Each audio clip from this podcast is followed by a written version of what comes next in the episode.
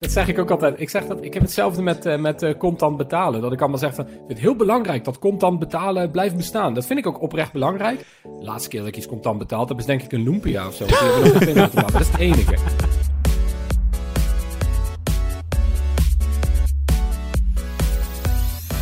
Hoi, leuk dat je luistert en welkom bij de Tweakers Podcast aflevering 237 alweer. Uh, mijn naam is Arnoud en vandaag heb ik aan de digitale virtuele tafel Thijs Hofmans. Hoi. Willem de Moor. Hey, hallo. En Wout Funnekotter. Ja, daar ben ik. Ja, daar is hij.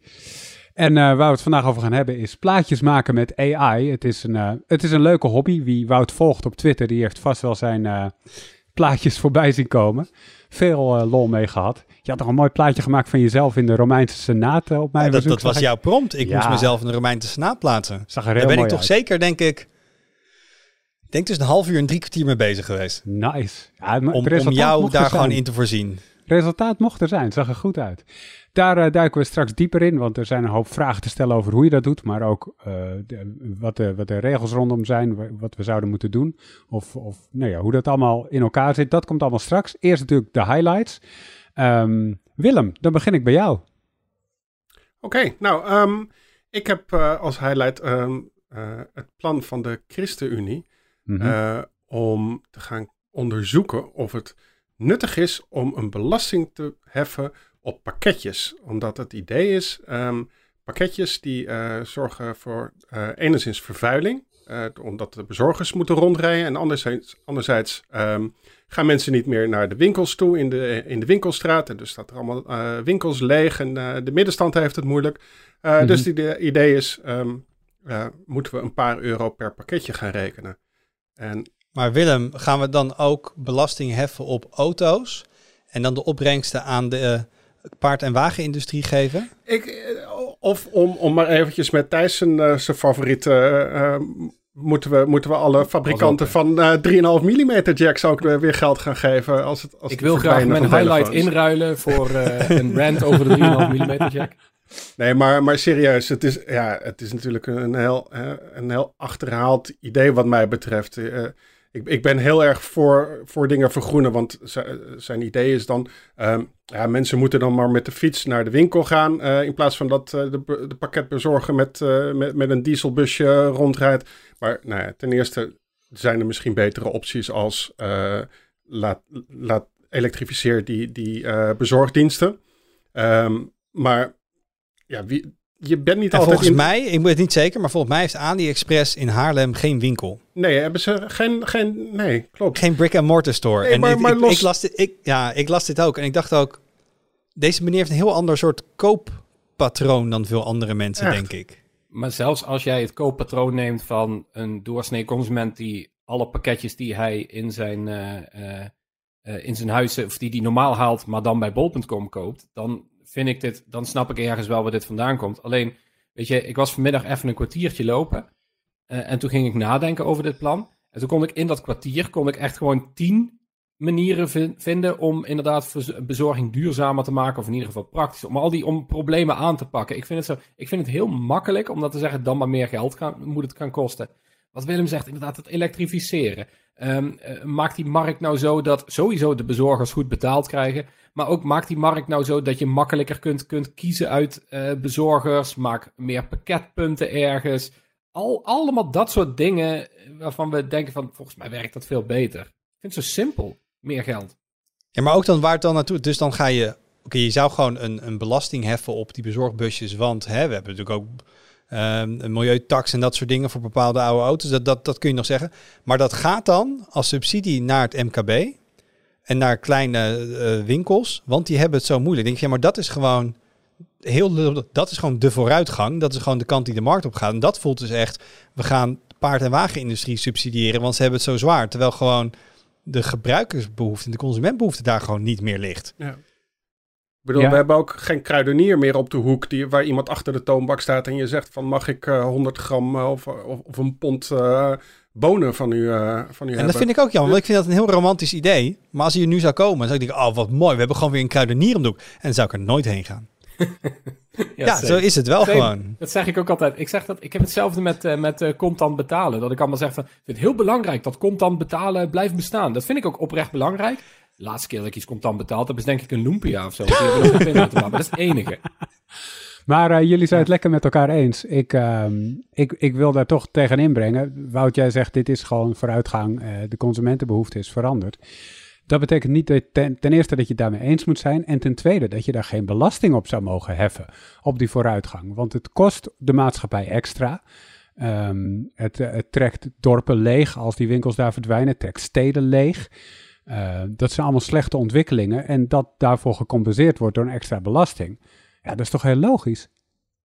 Nou, maar het ligt dus aan wat je met het geld doet. Als je zegt, dit, het, het feit dat veel meer mensen dingen laten bezorgen heeft negatieve gevolgen in brede zin. En dat willen we compenseren. Dat, dat snap ik. Maar dan vooral vanuit duurzaamheidsperspectief. Maar zeg maar een, een, een tak, een markt die gewoon even vanuit zakelijk inzicht gewoon niet levensvatbaar is. Bepaalde kleine winkels die gewoon, het klinkt heel hard, maar eventjes geen bestaansrecht hebben. Wat zij aanbieden is niet genoeg vraag voor. Dat kunstmatig met subsidies dan in stand houden, dat snap ik niet goed. En daar ben ik het ook niet mee eens. Dus Maar niet we- zozeer belasting heffen. We subsidiëren van alles, Wout. We subsidiëren eh, de, de, de, de, de boeren bijvoorbeeld. Die krijgen heel veel subsidie om te zorgen dat wij Ja, daar goedkoop kan ik ook voedsel een kunnen podcast kopen. over de supermarkt. maken. Daar heb ik ook We wat over zeggen. Pas op, pas op. We subsidiëren kunst en cultuur, eh, zodat je daarheen kan. Eh, ook als daar minder vraag naar is. Er zijn gewoon goede redenen als je vindt dat dat qua leefbaarheid heel belangrijk is voor je stad of voor je dorp, dat die winkels blijven. En die vraag ontstaat niet vanzelf. Maar met een beetje hulp van een belasting is die vraag er wel. Waarom zou je dat dan niet doen? Mogen we even terug naar het begin, Willem? Eh, kun, je, kun je een beetje uitleggen waarom ze, wat eigenlijk het doel is van dit ding? Is het omdat die bezorgers beter betaald moeten krijgen? Is het vanuit duurzaamheid? Is het om, die, om dat MKB te, te Het is deels duurzaamheid en deels eh, ehm, Allemaal een beetje. de, de, de binnenstad. Het, ik heb niks gelezen over, eh, over de, de vergoeding voor bezorgdiensten, maar eh, alleen maar Dat de- is er geen onderdeel van volgens mij. De, Nee. bezorgers is een andere. Nee. andere discussie. Ja, maar je kan ook zeggen, oké, de binnenstad, daar, daar komen wat minder winkels. Je kan misschien veel meer groen in je binnenstad gaan doen. Hè? Als, als er minder, meer leegstand, gaan meer parken maken of zo. En je kan alles doen met die vierkante meters natuurlijk. Maar je ziet toch ook steeds een, steeds verdere verschuiving naar eetentjes en dat soort dingen. Dat, dat, wordt, dat wordt populairder. Meer- meer horeca. Van, ja, Het zorgt ook voor dat mensen een reden hebben om de stad in te gaan. En, en dat er bruisen, bruisendheid, bruisigheid, levendigheid is eh, in de stad. Dus ehm, ja, ik snap je punt. dat Je, we subsidiëren echt van alles, dat is waar. En of dat goed is, is een tweede. Maar dus zeggen van dit kan niet en die andere dingen wel, dat is compleet arbitrair. Daar ben ik met je eens. Ehm, maar in dit geval zou ik zeggen... Ja, ik, ja, misschien bekijk ik het een beetje zakelijk. Als dat inderdaad echt niet, een, niet zijn eigen broek kan ophouden, om het zo maar te zeggen. En consumenten zeggen en masse, wij willen graag online shoppen. Dat is wat wij fijn vinden. Maar ik ben het helemaal met Thijs eens. Meer pakketpunten, eh, die dingen elektrificeren. Dus de hele van, we moeten de duurzaamheid, eh, of in ieder geval de milieu-impact van al die bezorgers moeten we gaan compenseren. Daar wat mee doen, ben ik 100% mee eens. maar, maar nog los van, van hoe... eh, niet, niet alles is te koop in een, in, in een winkel in, in jouw stadje.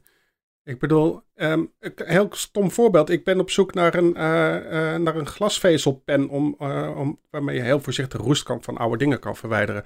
Eh, Ook een aparte podcast waar maar dat, dat zie ik niet bij de, bij de Gamma liggen of, of, of bij eh, weet ik veel welke winkel in de stad. Nee, Ja. ik denk ook dat mensen online Ik shoppen. hoor het graag, hoor. Het, Waar het wel te wel krijgen is. je, Maar je niemand, huis kan en vanwege de bezorging. Maar ook dat heel veel dingen online, die ook gewoon inderdaad offline niet te vinden zijn. Ik bedoel, als ik op bol.com bepaalde dingen bestel, vooral bij bol, omdat natuurlijk al die retailers aangesloten hebben, dan kom ik daar dingen tegen waarvan ik echt niet zou weten waar ik dat lokaal in de stad Yes. kan vinden. Kijk, als je zegt, ga ik ehm, naar de Gamma fysiek of laat ik Gamma thuis bezorgen, dan zou je net zeggen, ja, ga het gewoon even halen als het op de fiets kan. Het scheelt gewoon weer bezorgen. Of ik laat een stuk kleding van de H&M, ga ik ophalen in plaats van thuis bezorgen. Kan ik ook nog inkomen. Maar er is zoveel wat ik online kan vinden, wat niet bij mij in de winkelstraat te krijgen is. En daarom zeg ik, vond ik het, het, het, eh, het frame eigenlijk van die meneer van de ChristenUnie een beetje ouderwets. Want het werd wel gebracht van, je kan toch ook gewoon de winkelstraat inlopen voor dingen. Daar vind je het toch ook niet. Ja, maar dat, niet anno 2022. maar, als je, maar als je zou kijken, hoeveel, hoeveel van de pakketjes bevatten dingen die alleen online te verkrijgen zijn? Dus die dus niet in de omgeving op fietsafstand te krijgen zijn. Het zou me verbazen als het meer dan 25% is. En dat zou betekenen dat dus driekwart van die pakketjes een soort van nodeloos worden verstuurd. Ja, dat ik denk weet ook ik wel, niet. Kunnen we, het, kunnen we het dan op zijn minst... Ik weet niet zo heel veel over, over detailhandel en, en hoe winkels in straatbeelden passen... en wat dat betekent voor een gemeenschap en zo. Ik bedoel, ik zit op een zolderkamer letterlijk als een ware tweaker gewoon de hele dag binnen. Um, maar kunnen we het dan op zijn minst even hebben over hoe, hoe pakketbezorging in het algemeen, van al die dingen, van al die webshops, nog gewoon eigenlijk vastzit in het jaar 2005. En dat er eigenlijk zo weinig progressie in zit. Ja, maar ja Thijs wil, gewoon, wil gewoon drones die pakketjes in zijn tuin uh, gooien. Nou, ja en nee. Um, dat zou ik heel tof vinden. Maar ik vind wel dat het is het enige wat, waar die pakketbezorgers op dit moment op innoveren, is een race to the bottom qua prijs. Is zo goedkoop mogelijk, zo snel mogelijk. En dat, dat komt die kwaliteit van die bezorging ook niet ten goede. Wanneer was de laatste keer dat je daadwerkelijk een postbezorger binnen 10 minuten eh, eh, op, op, op het goede tijdstip voor je deur had, weet je wel. Het feit dat je nog steeds niet kunt kiezen tussen uh, um, of je pakket bezorgd wordt door pakketdienst A of B. Dat is toch eigenlijk heel raar dat dat totaal niet wordt, door, wordt geïnnoveerd. Zowel niet door door ja, dat de overheid het niet stimuleert met beleid of zo, maar dat webshops daar geen interesse in hebben. Ehm, het, het, het feit dat ik niet kan zeggen van ik wil de meest duurzame optie voor deze bezorging. Bijvoorbeeld inderdaad. Oh, die, krijg ik af, die, die, die, kan ik wel uh, af en toe kiezen bij een webshop. Dat ze zeggen dit, dit duurt langer. Dat is, een, dat is, toch wel de uitzondering op de regel. En ik denk dat er ook heel veel behoefte is aan mensen die zeggen van ik wil een pakketje van bol.com. Het maakt me eigenlijk niet zoveel uit wanneer het binnen is. Als ik een garde nodig heb, ja, die hoef ik echt niet per se morgen te hebben. Nee, maar dat kan je in je lokale binnenstad halen. Dan ga je gewoon naar de Blokker of iets vergelijken. Okay, er zijn heel veel dingen waarvan ik denk van, ik wil die best wel hebben. Er zijn best wel veel games waarvan ik denk, die wil ik op termijn wel hebben. Die wil ik ook best wel laten bezorgen. Maar het maakt me eigenlijk niet uit wanneer die binnenkomt. Dan hoef ik niet morgen, dan hoef ik niet binnen 24 uur, dan hoef ik niet dezelfde avond, dan hoef ik zelfs niet binnen... Kijk maar wanneer het jou uitkomt dat je het, dat je het kunt bezorgen. Dat soort opties, weet je wel, dat zijn... En dat, daar wordt allemaal niet naar gekeken. En ik, ik, ik zie daar eigenlijk zo weinig progressie in. Dat maar eventjes vanuit, vanuit, vanuit, duurzaamheid, want je kan heel vaak tegenwoordig kiezen, laat het thuis bezorgen of breng het naar een pakketpunt. Die, die optie krijg je wel. Dat is al een goed plan Doe inderdaad. Ja. Eventjes een rondje rond deze virtuele tafel. Doen jullie dat ook als je die optie krijgt? Zeg je dan, breng het maar naar het pakketpunt, ik ga het wel halen? Ik heb dat laatst gedaan en toen kreeg ik een appje van uh, uh, het ligt bij je pakketpunt. En toen twee minuten later stond PostNL alsnog voor de deur. Want die had het pakketje van mijn vriendin, die kwam ze gewoon thuis afleveren. niet zo handig. Maar ik doe dat normaal gesproken wel inderdaad, ja. Gewoon hier op de hoek bij de supermarkt. Nou, ja. nee, ik ook. Willem? Ja. Ja, ik nou, ook. Oké, dan doen we in ieder geval de pakketpunten goed. Ja. En vroeger had je ook maar die, die, die, die boxen die PostNL ooit neerzetten. Die vond ik fantastisch. Mm -hmm. Vertel, wat, wat is dat voor concept? Nou, die hadden ze in ieder geval bij ons in Tilburg. Hadden ze er een paar uh, bij mij in de buurt zitten. Echt gewoon op de hoek van de straat. Het was gewoon een, een, een soort, ja, was een, een kast. En daar zaten een stuk of 10, 15 um, kluisjes in. En een schermpje ernaast. En als jij dan, een, uh, dan had je iets besteld en dan kreeg je een code. En dan wordt het bezorgd bij dat pakketpunt. En dan moet je met die code naar het pakketpunt. Druk je die code in en dan gaat, uh, gaat de deur open. Ja, dat heeft de DHL heeft dat bij mij in de buurt eh, bij de supermarkt zitten. Als, dan zeg ik altijd, laat me daar gewoon lekker bezorgen. En dan gewoon, ik kreeg overigens ooit dan een berichtje dat er een pakketje daar was bezorgd. En toen wist ik niet wat de code was. En toen zeiden ze, ja, die hebben naar je ge-sms'd. En toen keek ik, maar ja, ik geef overal nummer 1, 2, 3, 4, 5, 6, 7, 8 op. Wisten ze niet wat, dat, wat die code was. Je zal dat, nummer maar hebben. krijg je allemaal sms'jes binnen van jou. Al die verificatiecodes van LinkedIn en zo. Ik vul hem ook altijd in trouwens, dus uh, ja. Maar, maar Thijs, zal even terugkomen op... Uh, um, uh, je kan niet altijd met de fiets ergens naartoe, ook al, uh, ook, ook al is er geen... Um, ook al is er een winkel in de buurt je, mensen hebben niet, eh, of hebben geen fiets, of zijn slechte been, of... Uh, ja, of, natuurlijk. Uh, of het pakket is heel groot. Of het pakket, Geef ja. dan de keus. Geef dan de keus. Of ga een samenwerking aan met Picnic of Albert Heijn. Of, of mensen zo, wonen, wo wonen best wel ver weg. En uh, ik bedoel... Ja, maar ik ben, ik ben heel erg pro-bezorgingen, Willem. Dus ik laat alles bezorgen. Jij wilt slim laten bezorgen. Trouwens, je zegt net Picnic. Picnic doet wel, ik ben wel met ze gestopt, ja, te duur worden. DHL-pakjes op. Die doen retourzendingen van DHL. Dat vind ik dan wel weer een goede samenwerking. Dat ja. klopt. Dat scheelt weer in het aantal bewegingen inderdaad. Ja. Maar ik vind dat die innovatie in het algemeen gewoon echt een beetje uitblijft. En dat, dat, dat baal ik dan vooral van. En dan hoor ik dat, het, dat de oplossing voor allemaal problemen in die sector in de eerste plaats is om geld erbij te gooien. Ja, kom op. Technologie is the answer. Ja. Zover wil ik ook weer niet gaan, maar een beetje creativiteit uh, is daar toch wel te vinden. Er is echt wel wat mogelijk. Inderdaad. Ja, het is ook niet zo dat bezorging per se slecht is. Dat is het helemaal niet. Maar die man van de ChristenUnie haalde aan dat nu eigenlijk te veel uh, bezorgd wordt. En, en dat is een punt waarin ik me zeker wel kan vinden. Ik ja, denk we dat kunnen allemaal wat minder voor de luiheid kiezen. En uh, wat ik ook nog wel eens doe, als de winkel gewoon wel in het centrum zit, dan bestel ik het online. En laat ik het bezorgen in de winkel. Kan ik lekker gewoon online een beetje shoppen. Dan hoef ik niet de, in de winkel erachter te komen dat iets niet op voorraad is of niet in de goede maat. Maar dan laat ik het wel daar bezorgen. Ja, ja dat, is ook een, dat is ook een prima optie. En daar zou de ChristenUnie het ook mee eens zijn. En, en meerdere dingetjes uh, bij elkaar. Uh, even wachten tot je misschien meerdere bestellingen hebt die je kan bundelen, zeg maar. Dat, dat je niet acht Ali-envelopjes krijgt, maar Precies. één Ali-envelop. Ja, maar ja, ja. Juist bij Ali en ook bij Bol.com werkt dat dus niet meer. Want dan moet het bij dezelfde leverancier vandaan komen. En dat is natuurlijk lang niet altijd het geval. Sterker nog, ik betel, bestelde laatst twee dingen van hetzelfde. Het was een kindercadeautje voor twee broertjes. Dus ik wilde exact hetzelfde ding, zodat ze geen ruzie zouden maken. Kwam bij twee verschillende leveranciers vandaan. In twee verschillende dozen. Op hetzelfde moment aan. Toen dacht ik, wat een nutteloosheid is dit. Maar goed. Ja. Um, Thijs, wat heb jij uh, meegenomen? Je had iets beloofd over de 3,5 mm jack trouwens. Over de? Over de 3,5 mm jack had jij een rant. Nee, nee, nee, nee, nee. Ik heb gisteren uh, bijna slaande ruzie met Willem daarover gehad. En dat wil ik virtueel nu niet met hem herhalen. uh, suffice to say, ik ben groot fan van de 3,5 mm poort. En uh, dat beïnvloedt mijn leven veel significanter dan ik zou willen. Maar dat is dus niet mijn highlight. Hè? Um, mijn highlight gaat over ruimtevaart. Dus het is Yo. wel vertrouwd. Ja. Um, Rusland maakte bekend dat ze toch doorgaan met het uh, International Space Station na 2024. En um, dat is voor mij goed nieuws, want ik heb ooit beloofd om een bezem op te eten als, dat, uh, als ze daarmee zouden gaan stoppen. Um, maar van de andere kant, het, het was al een heel eind bekend dat ze dat, dat, dat gewoon een, een, een, een onzin-dreigement was. Maar het lijkt er nu op dat ze toch vrij serieus hebben gezegd van nee, we gaan, we gaan toch door met het ISS-programma. En uh, ja, we gaan gewoon op dezelfde voet door.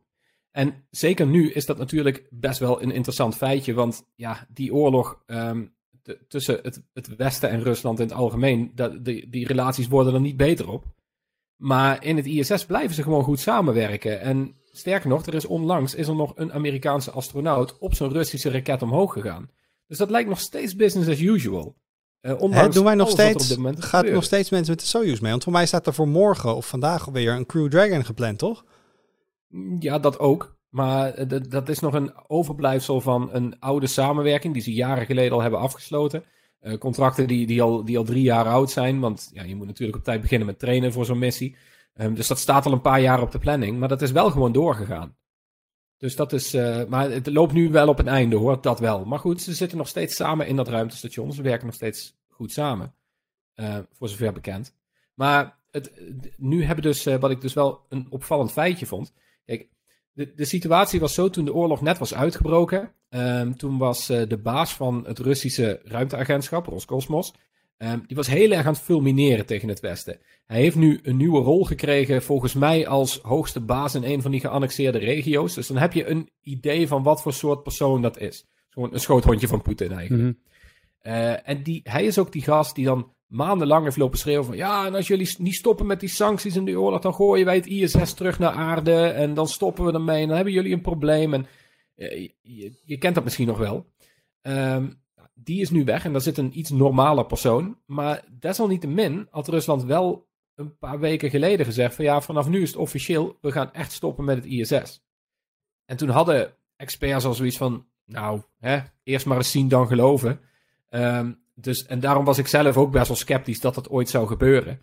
Alleen nu heeft dus het nieuwe hoofd van, van ISS, um, is dus, en dat vind ik opvallend, uh, moet ik het even opzoeken, die is gaan overleggen met Moskou. Over dat ze toch wel langer wilden blijven. En dat vond ik wel een opvallende, want voor zover bekend had Moskou niet echt daar iets een, mening over, of die hadden daar niet echt iets over gezegd. Die hadden natuurlijk ook wel wat anders aan hun hoofd op dit moment. Um, maar die, die waren volgens mij nog niet zo echt serieus op politiek niveau bezig met gaan we stoppen met dat ruimtestation of niet.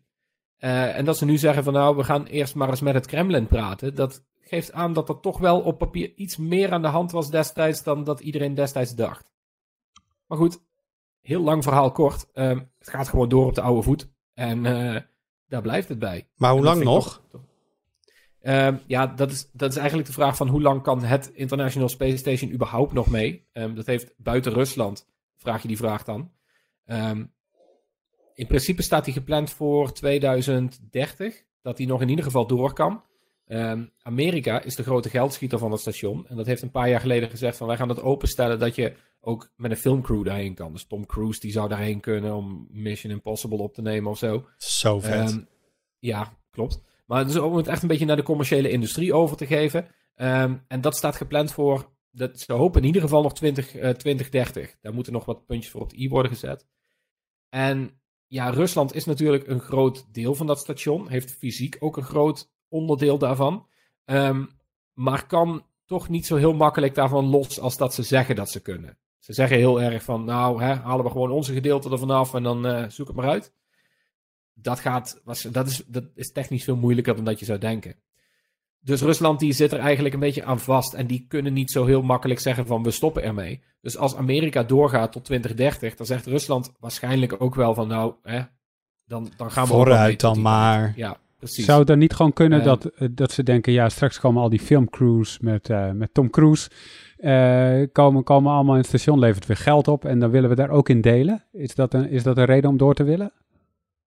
Uh, nee, want je mag dan alleen in het Amerikaanse gedeelte zitten. Dus daar krijg je als het goed is voor namens Rusland niet heel veel geld voor, denk ik. Nou, maar gaat Rusland zelf hele mooie propagandafilms maken?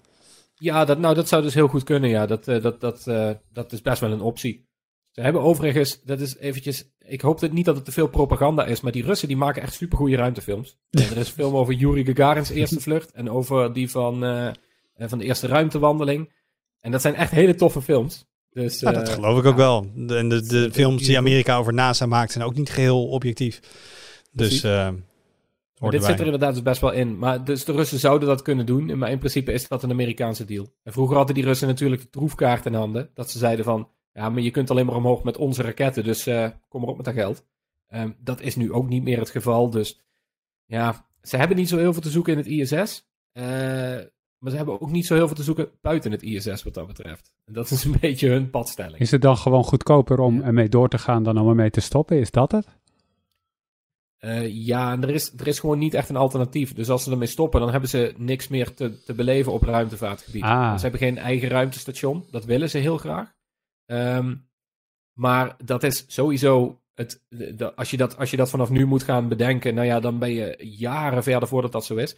En die sancties die wij allemaal hebben opgelegd, um, die, hebben die, die hebben met name ook die hoogtechnologische, dus de ruimtevaartindustrie, compleet lam gelegd. Dus daar gaat no way nooit meer iets gebeuren. In ieder geval de komende 30 jaar volgens mij. Voordat je daar iets, uh, iets, iets nuttigs van ziet. Ja. Dus ja, ondertussen zitten ze met dat, met dat ISS, dat hebben ze nog. En bij gebrek aan alternatief, en inderdaad, het loopt en het draait, dus waarom niet? Ja, inderdaad. Dus dat is het. Maar ze blijven er in ieder geval mee doorgaan. Dat is, uh, dat is mijn highlight, dat het, uh, dat het doorgaat. Een, een lichtpuntje dus in deze, in deze tijden van oorlog, yes. Wout, wat, uh, wat heb jij meegenomen vandaag? Nou, iets, iets kleins. Um, ik heb het wel vaker gehad in de podcast over Matter. Dat is mm -hmm. een mhm. nieuwe smart home standaard en die moet... trek de X-cases hier maar weer bij. Dit is de 15e standaard die alle 14 standaarden moet doen vergeten. Um, en Matter 1.0 is uit. Echt heel underwhelming. Er is een persberichtje uitgegaan. Ja, Matter is er. Oké. Het ging met zoveel bombarie toen ze dat aankondigden destijds. Ja, en nu er is gewoon echt een persbericht. Ja, Matter is. Wat betekent dat dan? Nou, er is een SDK. En je kan devices kun je laten testen nu. En, en zeg maar, zo'n zo testsuite door laten lopen. En uh, ja, nou, bedankt voor het lezen van, uh, van mijn e-mail. Dit was een spreekbeurt. En dat, dat was het ook, zeg maar. En niks over prognose, want zij is natuurlijk een standards line. Ze gaan niks zeggen over, we gaan dingen in de winkel leggen, want dat doen ze niet. Maar ik had toch verwacht dat er een soort gecoördineerde aanpak zou zijn. En dat verschillende fabrikanten zouden zeggen, en dit zijn de eerste producten met MED-ondersteuning. En dan en dan kun je ze ongeveer kopen. En dat is een beetje de roadmap. Maar ik vond het, het, het was echt gewoon een, een hele underwhelming officiële launch van. En er is nog wel een evenement ook in Amsterdam. Ik heb een mailtje over, is, is over een paar weken. Dus misschien dat ze daar dan wel allemaal doosjes. Maar ik denk dat. Ik, ik ben niet enthousiast over, maar het wordt, het, het wordt ook lastig om dat vast te houden, merk ik. Ze moeten gewoon zo, heel, zo snel mogelijk gewoon doosjes met streepjescodes laten zien waar producten in zitten die ik vast kan houden die met Matter werken. Daar begint het nu wel een beetje tijd voor te worden. En ik had eigenlijk verwacht dat ze het rondom de officiële aankondiging van 1.0 zouden doen.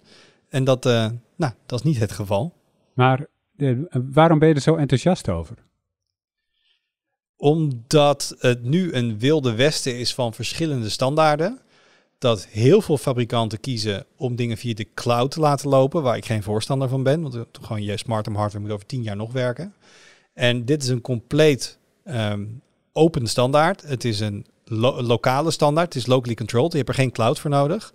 Uh, dus de, de belofte is, als jij in de toekomst een smart home bouwt en jij zorgt gewoon dat overal op elk doosje wat je koopt een Matter compatible logootje staat, dan heb je heel veel keuze als consument van verschillende merken. Je hoeft niet in het ecosysteem te blijven.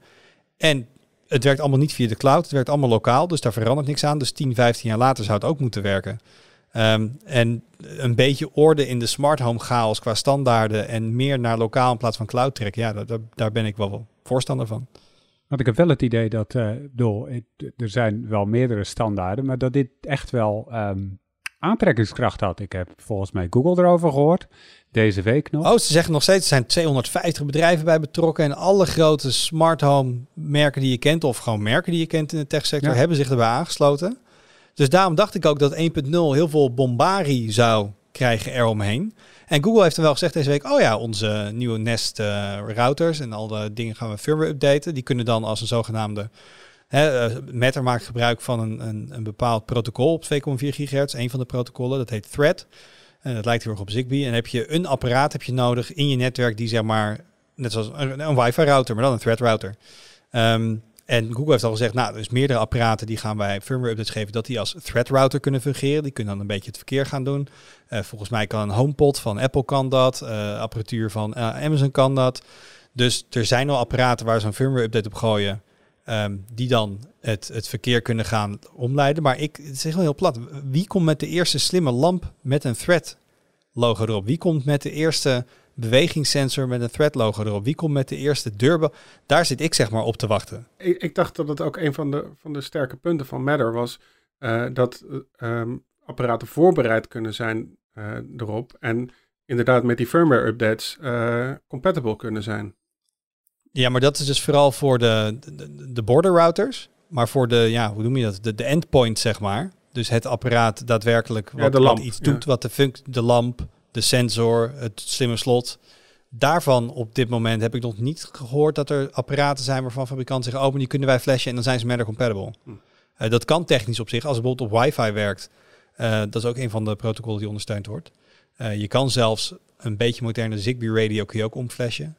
Um, maar dus ik bedoel, het is ook niet, een, een, een, niet echt een highlight, ook niet al te veel over te melden. Maar het is meer een soort van dat, dat persbericht kwam binnen en het was een beetje als een soort, ja, van hup, gooi hier maar neer en uh, dat is het.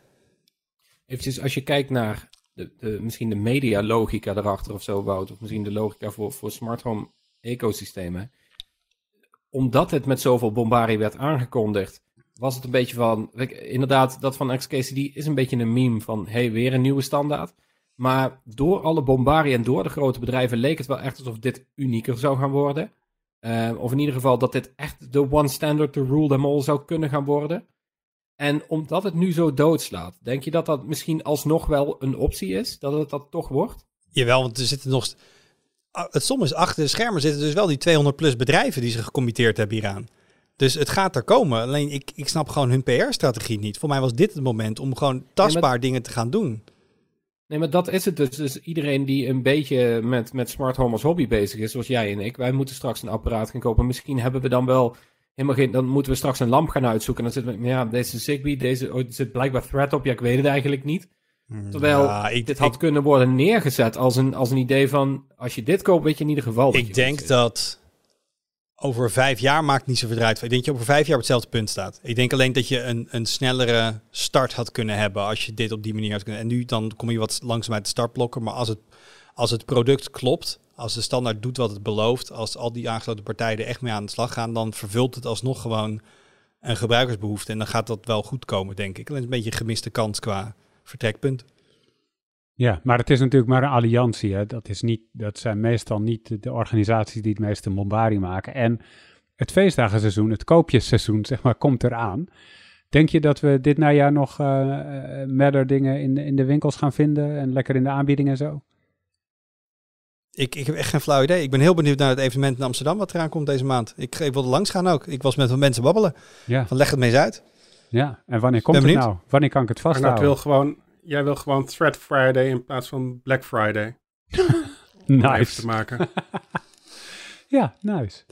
Ja, en dan wil ik al die dingen wil ik eh, op de fiets uh, kunnen, kunnen ophalen ergens in de stad. Inderdaad. en waar ik het nog over wil hebben is, um, is uh, ook iets wat er standaard is en wat er al is en bijna overal op zit. maar nog niet overal op.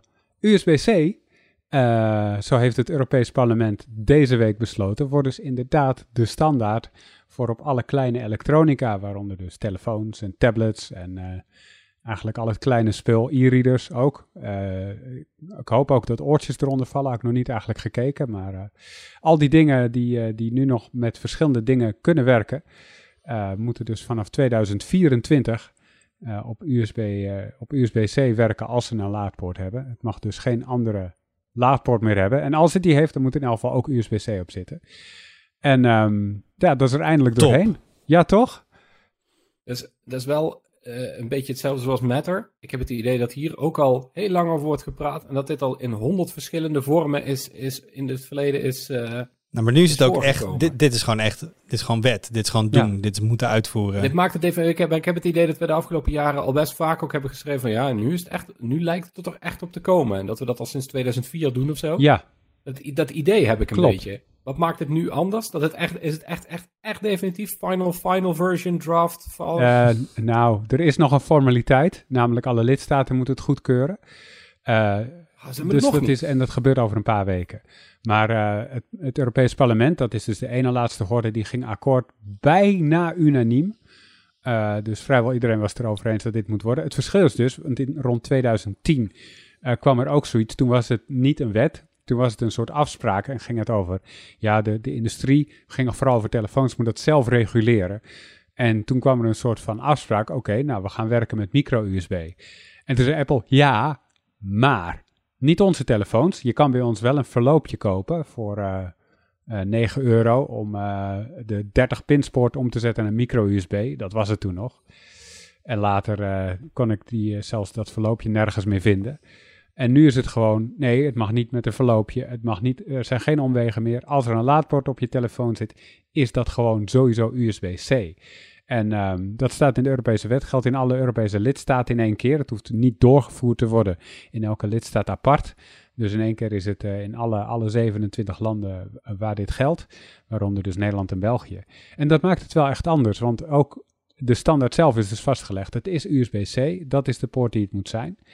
Um, ja, ik, ik vind dat echt wel een goede ontwikkeling. Echt uh, een van de dingen waaruit waaruit weer de, de kracht van Europese regelgeving blijft. Net, blijkt, net als met uh, roaming een aantal jaar geleden.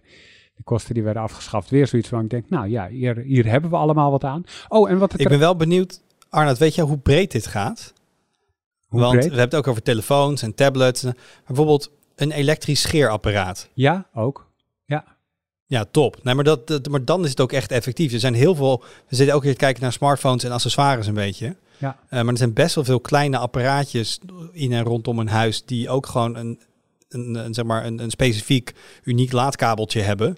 Waardoor weer een lader meegeleverd moet worden als je die kwijtraakt en dat soort dingen. Dus uh, oké, okay, cool. Eh, is deze wet, uh, voorziet die nog in de toekomst dan? Want USB-C, nou ja goed, USB-standaarden, die houden het nooit lang vol. Of iedere standaard houdt het natuurlijk vol totdat de volgende betere standaard komt. Hoe voorziet deze wet In principe niet, maar hij kan natuurlijk worden aangepast waarbij je USB-C vervangt door uh, hoe de nieuwe standaard ook zou maar mogen heten. Maar Arnoud, dit gaat ja. voor zover ik weet om de, uh, het laden en de fysieke connector, niet zozeer om het protocol wat eronder ligt. Dus of dat een USB Klopt. 3, USB 2, USB 4 of, of wat dan ook, Thunderbolt, dat maakt allemaal niet zoveel uit. Dus wat dat betreft... Klopt zolang die connector hetzelfde blijft, uh, dan heeft Thijs ook geen probleem. Want dan heb je, kun je gewoon upgraden. Maar ik heb, uh, Wout maakt een goed punt met, uh, met de scheerapparaten en dat soort dingen. Want je hebt natuurlijk, weet ik veel hoeveel gekke barrel connectors die in allerlei kleine apparatuur zitten. Terwijl uh, op technologiegebied, op, op waar, wij over schrijven, zeg maar, daar is USB-C natuurlijk al, al best wel de de facto standaard, uitgezonderd Apple. Dus uh, wat, voor ons komt het... Klinkt er inderdaad vooral als een Apple Nee, maar voor ons komt iPhone, het een beetje... De iPhone 15 krijgt nu USB, toch? Ja, daarom. Voor ons klinkt het, voor, voor, voor, ons hoekje van, van tech klinkt het een beetje too little too late misschien. Maar voor, voor de rest is het, is het denk ik wel heel belangrijk. Voor de Browns van deze wereld en de Oral Base en zo, is dit uh, wel een omslag. Ja, dat oh. denk ik ook, ja. Dus ik ben heel benieuwd hoe, uh, hoe die apparatuur eruit komt te zien. Want die, die laadpoort moet er ook op zitten. En ook hoe je het dan gaat gebruiken. Want ik heb best wel een paar laadkabels. Maar als echt alle apparaten USB-C zijn en je krijgt geen laadkabel meer meegeleverd. Um, want het hoeft niet nou, dan meer. koop je één keer wat een extra, paar extra dingetjes. Ja. Ik vind het heerlijk als ik een weekendje wegga of zo. En ik heb dan mijn laptop misschien wel mee voor iets. En ik heb uh, mijn oortjes mee en ik heb mijn telefoon mee. Neem ik mijn laptoplader mee met USB-C. Dan kan ik zo mijn laptop mee laden. En dan kan ik mijn oortjes mee laden. En dan kan ik mijn telefoon... Ik, het, het, de belofte van USB-C werkt wel. Hij, het is wel gewoon waar. Het is gewoon handig. Uh, dus inderdaad, jij zegt hoeveel kabels moet ik wel niet hebben. Ligt aan hoe vaak je die apparaten oplaadt. Als jouw scheerapparaat één keer in de twee weken wordt opgeladen, laat je hem toch gewoon met je telefoonlader op. Ja, heb je geen dedicated charger nodig. Standaard. Weet je met welke aansluitpoort het ook zo is? Nou. Nou? geen idee. ik weet het niet. Nee, nee. Zeg met Willem. Kom op. Je bedoelt die onzichtbare Bluetooth aansluiting? Ja, daar ben ik groot fan van. Ah, hou daar op. ben ik groot fan van. Ik wil dat eigenlijk nog wel een keer horen, Thijs, wat je te zeggen hebt over de 3,5 mm jack. En dan mute gewoon Willem even, kan die niks zeggen. Maar ik wil het wel even ja, horen. een volgende aflevering Lang genoeg dan. geteased. Goed idee. Oké, okay, dan houden we dat in de lucht voor een volgende aflevering. Waar we het nog wel even over moeten hebben, Wout, is... Uh, ja, ik, ik noem het maar AI-plaatjesmakers. Hoe noem jij het eigenlijk? AI-plaatjesmakers. Nou, ik heb hier eventjes um, we hadden bedacht dit in de podcast te doen. Ik wil even uh, beginnen met zeggen, ik heb hier totaal geen verstand van. Mm -hmm. um, dit is ingewikkelde materie. Ik gebruik dit sinds een week en ik vind het heel leuk. Het is een rabbit hole, daar ben ik ingedoken. Ik ben geen expert op dit gebied. Um, vraag mij hoe een, een, een deep learning image generation algorithm werkt. En je krijgt een blank ster terug. Um, dus dat wilde ik even vooraf zeggen. Dus als er mensen luisteren die heel veel verstand van hebben, laat vooral van je horen in, in de reacties.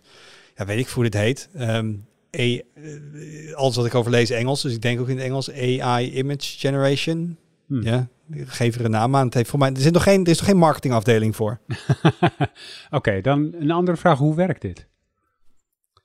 Um, nou, wat we, misschien bij mij was de trigger. Uh, vorige week is uh, DALI is toen uh, voor iedereen vrijgegeven. Dat is een, een deep learning model, wat dus aan de hand van een tekst prompt, noem je dat, tekst input, een soort van een Google term, een search term, een plaatje kan genereren.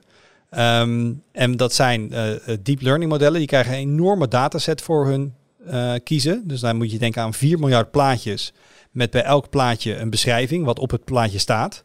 Nou, dat gaat door zo'n zo'n trainingsmodel heen. En dat model gaat zichzelf dan trainen aan de hand van al parameters. Van oké, ik ga dus leren wat die, al die begrippen zijn. Want ik zie dingen tussen haakjes. En ik, iemand heeft mij verteld wat daarop staat.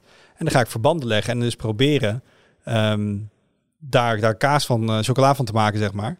Um, en het hele idee is uiteindelijk als het model getraind is. En jij zegt dus, maak voor mij een plaatje van uh, Thijs Hofmans met een hoed in de vorm van een 3,5 mm jack. Dat hij dan weet wat dat ongeveer is. En dan hij kan dus hoeft niet alleen plaatjes naar maken die hij ooit gezien heeft, maar hij kan elementen van verschillende dingen pakken en, en ja, nieuwe dingen genereren. En ja, dat is dus ongeveer hoe het werkt. Maar je, je noemt al DAL-I. Welke, wel, wat voor soort versies zijn er allemaal? Uh, DAL-I is, een, is een bekende. Uh, Google werkt aan Imagine. Um, en degene waar ik mee aan het spelen ben, dat heet Stable Diffusion. Dat is, een, uh, dat is vrijgegeven door een token die heet voor mij Stability AI. En het concept is elke keer hetzelfde. Grote dataset, model trainen. Uh, die van hun staat gewoon, uh, is gewoon open source. Uh, en die kun je downloaden. Um, dat, kun je, dat zijn redelijk rekenintensieve dingen. dus op dit, op dit moment draai ik dat op een RTX 3080. wat redelijk goed gaat. Het gaat dus over de shader cores van je videokaart. Dat is zeg maar GPU accelerated. Maar wat wel grappig is, dat hebben ze open source vrijgegeven. En iedereen en zijn moeder heeft het nu geforkt op GitHub. Hm. Om dit verder te optimaliseren. Dus de eerste versie draaide bijna niet op thuishardware. En dit is weer iemand die heeft weer een tweak ergens bedacht. En dan gaat het geheugengebruik door de helft. En dan heeft iemand anders weer een deel van het uh, machine learning model, een andere module daarin gesleept en dan gaat dat weer omlaag. Dus ik, ik volg die subreddit een beetje en van dag tot dag zie je weer dat er nieuwe versies en nieuwe optimizations uitkomen die het ja, nog sneller, nog beter maken. Maar in principe als je thuis... Ik heb ook al versies gezien die gewoon op de CPU werken, maar dat is heel traag. Maar als jij een degelijke videokaart hebt met vooral wat videogeheugen, laten we zeggen 8 gig of meer, dan kun je dit gewoon van GitHub trekken. Thuis moet je een beetje een Python-omgeving uh, opbouwen en dan kun je dus ja, dit soort tekstjes erin gaan voeren en dan kun je plaatjes maken. Maar wacht, welke, welke bronset gebruik je dan als data? Of welke, ja, moet jij eens even kijken dat, dat, dat uh, Stability AI heeft een model gemaakt en je hebt er ook weer een token. Ja, het, het hangt allemaal uit elkaar. Je hebt een token of instantie, dat heet Hugging Face volgens mij. En die hebben dus een, een... Oh ja, die hebben die DALI Many gemaakt. Ja, maar die hebben dus ook het dataset hiervoor vrijgegeven. Uh, die Stable Diffusion 1.4, dus dat is een file van ongeveer 4 gig. En dat is zeg maar ja, het brein van het model. Dat is de kennis die die heeft. Dus die download je, dan download je maar het hele Python gebeuren, de een voetje in de ander. En dan kan die aan de hand van het datamodel, kan die dus, daar haalt hij eigenlijk zijn kennis vandaan. Um, dus het is allemaal open jij source. Weet dus zelf, jij weet dus zelf niet op dit moment wat er in die dataset zit. Wat voor soort foto's waar die vandaan Volgens mij, Stability AI heeft wel gewoon, dat kun je bij ze opzoeken. Uh, dit soort datasets zijn dan weer, worden door andere partijen gemaakt. En voor mij hebben ze ook, zij ook gewoon gezegd welke set zij gebruikt hebben. Um, ik weet niet of hij gewoon doorzoekbaar is met die 4 miljard images. Um, maar het zijn in principe ook wel weer publiekelijk verkrijgbaar, of in ieder geval aan te kopen datasets van derde partijen weer. Uh, dus het zijn allemaal tokens die elkaar een beetje helpen. En de een heeft dit van dit en dan haalt hij de foto's staan, dan maakt die een model en die maakt dan weer een algoritme. En dan komt er uiteindelijk het, uh, het plaatje uit. Willem, heb jij er al mee uh, gespeeld? Want het, het kan nu dus. Nee, ik, ik, heb, ik heb wel eens naar niet DALI, maar andere online toegankelijke image generators gekeken en een paar prompts gegeven. En, en zitten lachen om de prachtige resultaten die dat oplevert. Maar eh, op mijn eigen hardware uh, draaien heb ik dat nog niet gedaan. Vooral ook omdat, wat Wout net zei, van, je, je hebt eigenlijk best wel echt, voor, voor het trainen van het, van, van, het model moet je echt bizarre hardware hebben. Wat gelukkig steeds makkelijker wordt. Maar draaien kan, kan op zich wel. Ja, dat, dat heb ik dus ook extern gedaan, want het, wat mij gewoon heel leuk leek. Ik, ik wil dat dat ding weet wie ik ben. En dat ik mijn gezicht in allemaal dingen kan laten genereren. Um, er zijn ook weer verschillende technieken voor. Dat wordt ook steeds efficiënter, die algoritmes. Maar toen ik dit vorige week deed, dat is echt maar, het tijdspad waar je het over hebt. Wat wij nu zeggen in de podcast, is waarschijnlijk achterhaald volgende week. Zo hard gaan die ontwikkelingen. Um, ik heb toen gewoon een stukje cloud computing gehuurd. Uh, online. Gewoon, ik wil een, een, een, een instance in een datacenter met een hele dikke GPU en dit en dit en dit. En dan kun je gewoon voor, wat kost het met dat? 80 cent per uur. En daar heb ik dus een dataset gemaakt van mijn hoofd, van 20 foto's. En die heeft daar een paar uur iets op getraind. Um, dus toen ja, was er zo'n model gemaakt van mijn hoofd. En dat kon ik dan weer inladen thuis op mijn eigen computer. En als ik nu zeg, uh, looks like Wout F, want je moet zeg maar een, een woord gebruiken om mijzelf te koppelen. Nou, dan pak ik maar mijn nickname op Twitter. dus elke als ik in zo'n prompt zeg, uh, looks like Wout F, dan verschijnt mijn hoofd daarin. Oh, wauw. En waar loop je dan tegenaan als je dit thuis probeert op te zetten? Wat, wat soort dingen ben je op blijven hangen? Nou, ik denk als je, als je echt helemaal niks weet van uh, ontwikkelomgevingen en programmeren, wordt het misschien wat lastig. Al zijn er goede tutorials. Je hebt gewoon thuis een lokale Python-omgeving nodig. Dus je hebt, uh, een, ja, daar, zijn ook genoeg tutorials voor te vinden. Het is allemaal Python-scripts. Um, dus dat is niet zo heel lastig. Het is vooral, ja, het, is, een, het is een tool, zeg maar. Ik, ik, heb, ik heb het deze week op de redactie over gehad en ik, ik vergeleek het een beetje met googlen. Je hebt mensen die kunnen heel goed googlen. Want die weten gewoon precies hoe je een goede query opbouwt en hoe je resultaten krijgt. Je hebt ook mensen die kunnen heel slecht googlen. Dan kijk ik wel eens over de schouder mee. Dan tikt iemand wat in in de searchbar. En denk je, ja, daar ga je echt nooit wat op vinden met die termen. En dit is eigenlijk googlen on steroids. Want je moet dus een zoekterm of een, een beschrijving van een plaatje moet je invoeren in die tool. En dan komt er iets uit. Maar je moet dus heel goed snappen. Je moet je woorden eigenlijk wegen, bijna letterlijk. Want hij weegt dat soort woorden in het model. Dus ik weet aan. Um, dus wat het vooral heel erg veel is, en, en waar denk ik ook de, de betere plaatjes generator mensen zich onderscheiden van de mindere goden, is dus snappen hoe het model ja, denkt, is niet het goede woord.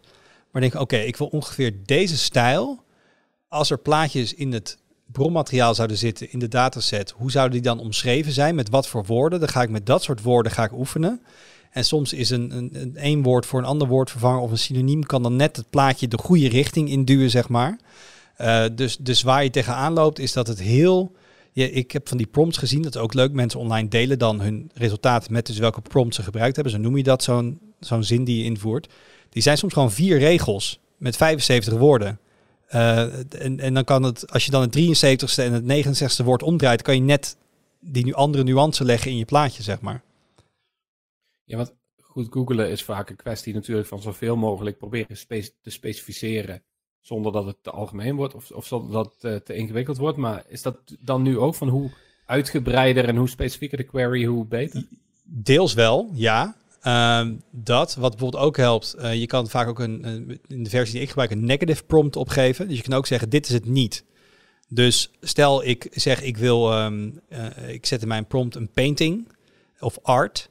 En ik denk, ja, het is een beetje cartoony wat het ervan maakt. Dan kan ik in mijn negative prompt kan ik weer cartoon zetten. Dus alles wat in een dataset daarmee te maken heeft, dat gaat hij dan weer minder meenemen.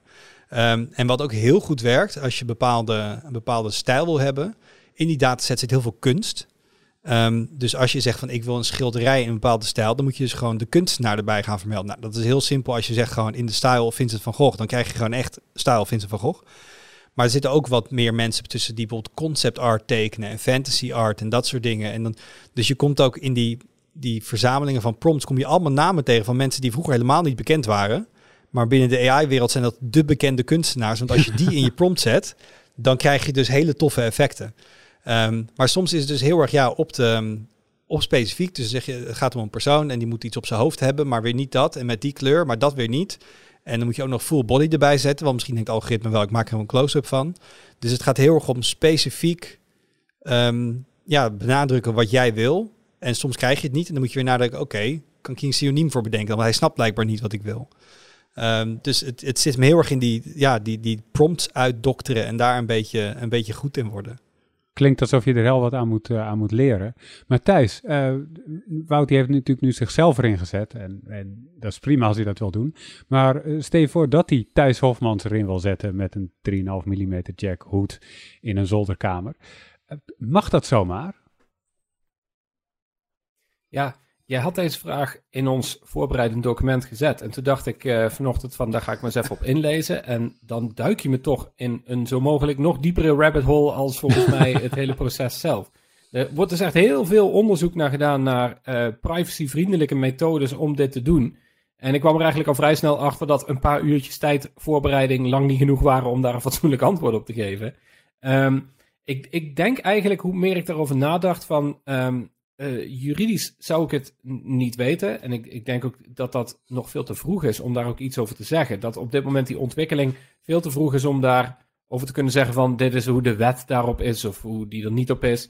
Ik, ik denk dat dit een proces is waar nog wetgeving op achterloopt.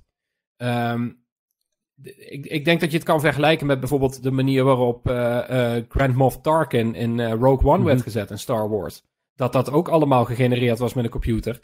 Um, ja, dat kan. Dan moeten ze die rechten hebben. Volgens mij komt dat dan van de familie af. Ik denk dat je het daar het beste mee kan Maar het kan nu al wel. Ik kan Thijs niet genereren, maar die dataset zit vol met uh, foto's van bekende mensen, van celebrities en zo. Dus ziet ook, ik, kan, ja. als ik nu zeg, ik wil uh, Barack Obama in, in een badpak uh, aan het zwembad of zo, dat, dat krijg je er wel uit hoor, als je een beetje zit pielen. Dus het, het, het kan al wel inderdaad. Ja, en als jij, mij, als jij een paar foto's van mij pakt en dan kijk je een keer op mijn Instagram of op mijn, op mijn Twitter-account en dan pluk je een paar foto's daarvan af, dan zal dat toch wel moeten lukken, Wout, lijkt me. Ligt aan goed de foto's, maar je komt, je komt met publieke foto's kom je best een eind inderdaad. Um, ja. Is, dat dan, is dit dan misschien meer vergelijkbaar of zo met die hele discussie die we een paar jaar geleden hadden rond deepfake porno-video's?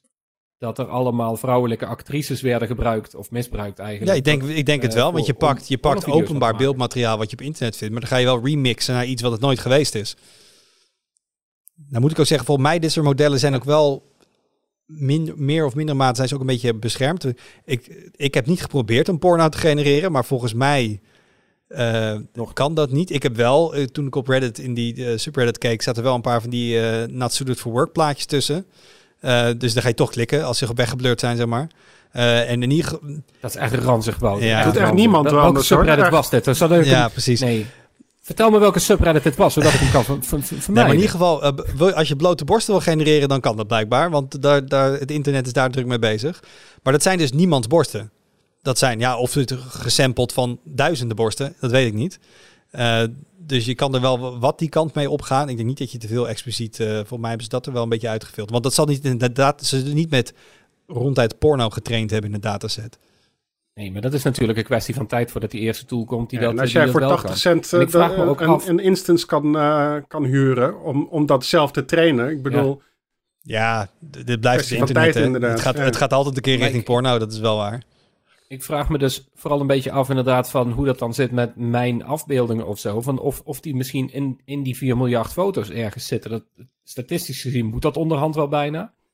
Uh, dat je na een tijdje wel een keer wordt opgenomen daarin. Ik vraag me dan wel 4 af. miljard is echt heel weinig best, Als ik thuis ben, even, als ik thuis ben, kan ik echt wel even kijken. Als ik gewoon Thijs Hofmans in de prompt gooi of hij er überhaupt wat van maakt. Nee, maar eventjes zeggen van, stel, stel dat deze ontwikkeling natuurlijk nog even doorgaat. En er zijn, kijk, nu is dat een bedrijfje dat is puur waarschijnlijk helemaal academisch ingericht. En, en, en leuk voor dit soort experimenten er komen straks bedrijfjes bij, zoals een Clearview of zo, dat, dat in, in, in ethisch grijze Nee, deze komen meer vanuit de research. en ze zeggen ook bij het vrijgeven van, ja, we hopen wel, ook dat iedereen op een ethisch, moreel verantwoorde manier hiermee omgaat. En ze erkennen ook, we weten ook, we moeten hier met z'n allen nog achter komen hoe we hier de, de, de grenzen in aangeven en wat er allemaal bij komt kijken. Um, dus het, het, het, het is compleet wilde westen, inderdaad. Kijk, het, het is, als ik ermee zit te pielen en er komt iets uit wat nou, heel veel met prompt klooien. En je hebt allemaal settings. Je moet allemaal 38 sliders waar je ook nog tussen kan kiezen. Ehm, en trouwens ook nog één ding. Ik denk dat één op de 20 plaatjes lukt. De andere 19 zijn van gesmolten gezichten en allemaal gekke dingen en zo. Ehm, maar het is ja, het, het ergens denk je wel van wauw, wat, wat kan dit dan? Aan de ene kant denken illustrators misschien van ja, mijn baan raak ik kwijt. Maar denk aan, wat ik ook tof vind, je kan namelijk ook als een, samen met je prompt ook een plaatje opgeven. Dus heb je mensen die een soort van um, stick figure uh, harkmannetje tekening maken met een soort schematische schets van dit moet ongeveer de afbeelding zijn.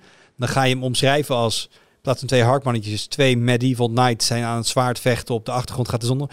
En dan wordt jouw harktekening tot leven gebracht, zeg maar. Dus voor ja, storyboarding en dat soort dingen. Het kan ook echt wel gewoon mensen heel veel tijd gaan schelen. Het is natuurlijk ook wel een beetje hetzelfde als wat er over de journalistiek wordt gezegd. Van ik lees ook al sinds ik eigenlijk op, de, op, op mijn journalistieke opleiding zat, en dat is toch al lang geleden. Um, lees ik eigenlijk al van straks gaan robots dat werk overnemen. Dus dat je inderdaad, um, voor sommige dingen is dat ook best wel te doen qua tekst. Is het best makkelijk om, stel dat jij een voetbalwedstrijd pakt of zo. Als jij alle statistieken maar van een voetbalwedstrijd in een of ander... Ja, precies. En daar zijn nu media wel mee aan het experimenteren. Het is niet zo alsof er dan minder voetbaljournalisten Maar het grappige is ook, Integendeel. dit model snapt niet wat het aan het doen is. Ik bedoel, er komt wel iets uit, maar het heeft geen kennis van wat het doet. Dus uiteindelijk vers er moet altijd ja, en iemand de, de zijn die De creativiteit verschuift ook bijna. Dus eerst zit het creatief in bedenken wat je wil schilderen en dan een, een hand hebben en de, de, de, ja, de artistieke skill om te kunnen schilderen. Maar nog steeds bedenken hoe het eruit moet zien. En dan zit creativiteit heel erg in die, die prompt maken van oké, hoe ga ik nou? Ik heb een visie en in plaats van dat ik een, een, een, een uh, kwast op het doek zet, ga ik nu op een andere manier doen. Maar je moet nog steeds heel creatief bezig zijn en heel veel proberen en leren. En dus ik ga niet zeggen, uh, het staat gelijk aan schilderen. Totaal niet. Maar ik, we zijn ook nog wel echt een eind verwijderd van zeggen... maak dit plaatje gewoon in twee zinnen en dat het goed is. Want dat ding snapt het niet. Ja. Je moet er als mens, zit er echt nog wel een factor in op dit moment. Ja, en waar we het net al even over hadden, is wat er, wat er wel en, en niet kan, wil ik toch ook nog even want dat vind ik ook machtig interessant. Want er is dus ook een Chinese versie waarvan de naam is ontschoten. Um, en, en die blokkeert dus uh, dingen die daar politiek gevoelig liggen. Dus Winnie de Pooh in een badpak aan het zwembad. Dat kan er absoluut niet. Of iets met, uh, met het centrale pijn in Peking, waar in 1989 een opstand was. Dat mag daar ook niet. Dan zegt hij gewoon: nee, dit ga ik niet voor je doen.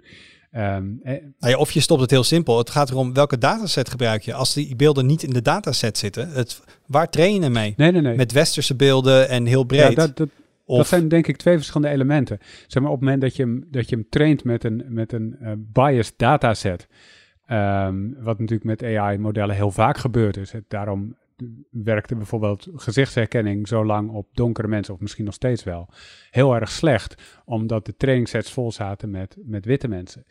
Um, maar er is ook gewoon de regels die je zelf stelt als maker van die, van die software.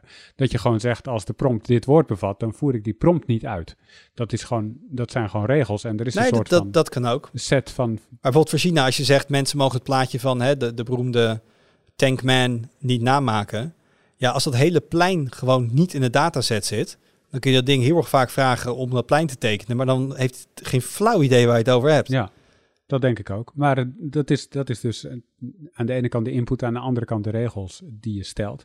Maar denk je dat, je daar, eh, dat ze daarmee gaan spelen? Of dat er toegespitste modellen komen, Wout, waarbij je echt specifiek... Ja, helaas wel. Ehm, ik kan, dit is maar wat ik gebruik. Het model heet Stable Diffusion. En als mensen dit interessant vinden, kijk even op de subreddit Stable Diffusion. Daar vind je heel veel dingen. Er zijn mensen die daar een fork van gemaakt hebben. Dat heet Waifu Diffusion.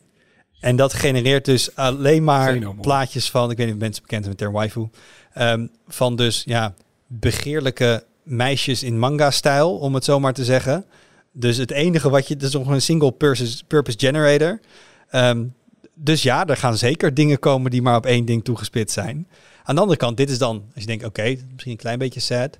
Eh, waar ik meteen naar dacht, wat voor sommige mensen ook sad is. ehm, als jij veel eh, Dungeons and Dragons speelt en je wil bij je campaign en je verhaal gewoon hele toffe beelden en van monsters. Je zou ook gewoon eentje kunnen trainen, helemaal in fantasy sfeer. Dat als jij gewoon zegt, doe mij een bloeddorstige ork met, eh, weet ik, dat daar gewoon hele toffe dingen uitkomen. Ja, dan kun je zeggen, dit is een D&D art generator. En ja, dat, ik denk dat dat wel nuttig kan zijn om ook die dingen toe te spitsen op bepaalde resultaten die je wil hebben. In plaats van een generieke waarmee je alles kunt maken. Ja, en als we even een aantal jaar vooruit kijken, Wout, wa- wat kunnen we dan met deze software? Want dit gaat wel heel rap, dat zeg je al. Wat we nu zeggen, is eigenlijk volgende week alweer achterhaald. Waar staat dit in 2027 of 2030? Ik, ik pak even mijn kristallen bol erbij, moment. Daarom. Eh, nou, ik denk wel, als je nu ziet hoe hard de optimalisaties gaan, denk ik wel dat we dit op veel meer soorten devices kunnen gaan draaien. Waarbij het een jaar geleden was, je hebt een server GPU nodig en dat soort dingen. Ehm, met de huidige ontwikkelingen denk ik dat het voor een ieder heel erg haalbaar wordt en misschien zelfs over een paar jaar dat dit gewoon op je smartphone draait. Hè? Als, natuurlijk dit, daar gaan ook de, ontwikkelingen op eh, rekenkracht gaan steeds vooruit. Ehm, dus dat is denk ik één ding. Twee, je ziet nu ook, het is eigenlijk, de, de tools zijn vaak gewoon Python scriptjes. Dus iedereen is er nou, eh, heel, heel veel mensen zijn daar nu een GUI omheen aan het maken. Gewoon een graphical user interface. Nou, die bevat op dit moment nog heel veel getallen die je kan tweaken en sliders. Nou, op een gegeven moment gaat het er allemaal uit, denk ik. Dus ik denk dat het sneller wordt om te draaien. Dat de interface versimpeld gaat worden. Wat ik vooral benieuwd naar ben, kunnen ze die dingen slimmer maken dat je minder met die prompts bezig hoeft te zijn. Want daar gaat nu echt, als je gewoon een leuk plaat, als je echt een idee voor hebt, ben je zo een half uur aan het pielen met die input om er wat uit te krijgen. En dat zou het wel echt maken dat, ja, dat het echt heel, heel simpel wordt voor iedereen. Maar daarvoor weet ik dus niet genoeg van die modellen om te kunnen inschatten of dat technisch heel makkelijk is om met veel minder input dat dat ding meer keuzes voor je maakt, zeg maar. Dat, dat zou ik niet weten. Hmm. En dan dus over een aantal jaar dan is het dus simpeler. Maar wat, wat moeten we er dan mee? Want dit is leuk om mee te pielen. Ik snap de rabbit al helemaal. Maar hoe je dit in het dagelijks nou, leven kijk eens op Tweakers. Als wij een, ehm, een obscuur achtergrondverhaal hebben en dan willen wij een, een, een afbeelding voor op de frontpage. Soms zitten we nu ook echt al met onze beeldredactie van, jezus, hoe gaan we hier nou weer een afbeelding bij bedenken bij dit onderwerp? En dan groer je gewoon in. ehm, foto van Bitcoin eh, op de Europese vlag met een wetboek ernaast, weet ik veel, als er zo'n acht. En dan komt daar wat uitrollen. Dan zeg je generate acht verschillende versies en dan heb je er eentje. Dus ik denk ehm, illustraties maken en, en dat soort dingen. Eh, ik, ik zou dat wel handig vinden eigenlijk. Ja, maar niet iedereen zit We bij de kunnen nu al onze hele database, onze hele image database, kunnen we natuurlijk als, als bronmateriaal voor een eigen eh Alle dataset afbeeldingen die we ooit ja. voor de frontpad eh, gemaakt hebben inderdaad. Ja. dat zouden we zomaar kunnen doen. Maar, Maar Arnoud wilde meer dan dat ja, weten. want niet iedereen is beeldredacteur bij Tweakers. Ehm, en als, als gewone gebruiker, wat ga je hier dan aan hebben? Nou ja, ik, ik, de vraag is op een gegeven moment hoeveel waarde gaan wij hechten aan wat echt is en niet. Stel jij wil nog ineens dat jij echt dingen helemaal gaat faken. Dat je zegt, oké, ik ben hier en daar, maar je bent er niet. Maar misschien wil jij gewoon echt een hele coole profielfoto op je Instagram-account hebben. Denk ja, ik heb niet echt een leuke foto van mezelf. Maar ik kan wel iets laten maken. Dat ben ik ook. Dat zie je op het plaatje. Maar het is net wel even een versie van jezelf die misschien niet in de werkelijkheid bestaan heeft. Ehm, een beetje in- de metaverse in de metaverse gedachte van een soort avatar creëren van jezelf. Je hebt natuurlijk wel, je zit aan de knoppen en je kan wel dingen maken. Ehm, ik weet niet of, nou, dat kun je je afvragen, is dat wenselijk? Eh, want dan weet je soms echt bij die afbeelding niet van, ja, is dat nou een foto? Of is dat gewoon door een computer gegenereerd? En dat blijft natuurlijk hier de filosofische vraag in hoeverre, net als met deepfakes, moeten we hier blij mee zijn op lange termijn?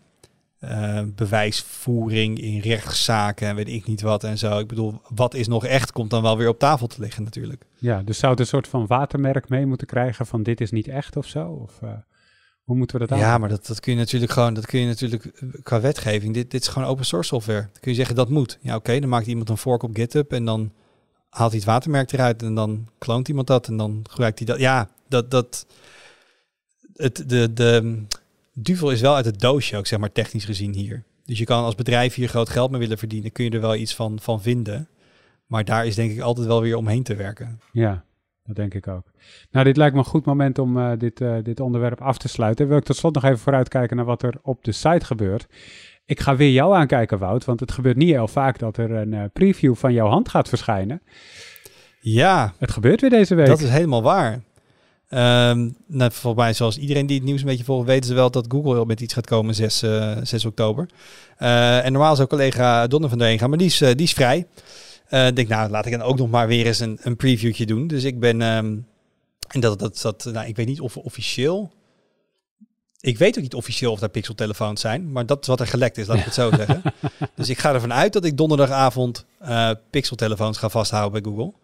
de Pixel 7 en de 7 Pro. En uh, daar dus hopelijk uh, laat in de nacht of vrijdag uh, iets over op de site gaan publiceren. Ja, leuk. Er komt ook nog een verhaal aan over de laadpalenmarkt in de EU.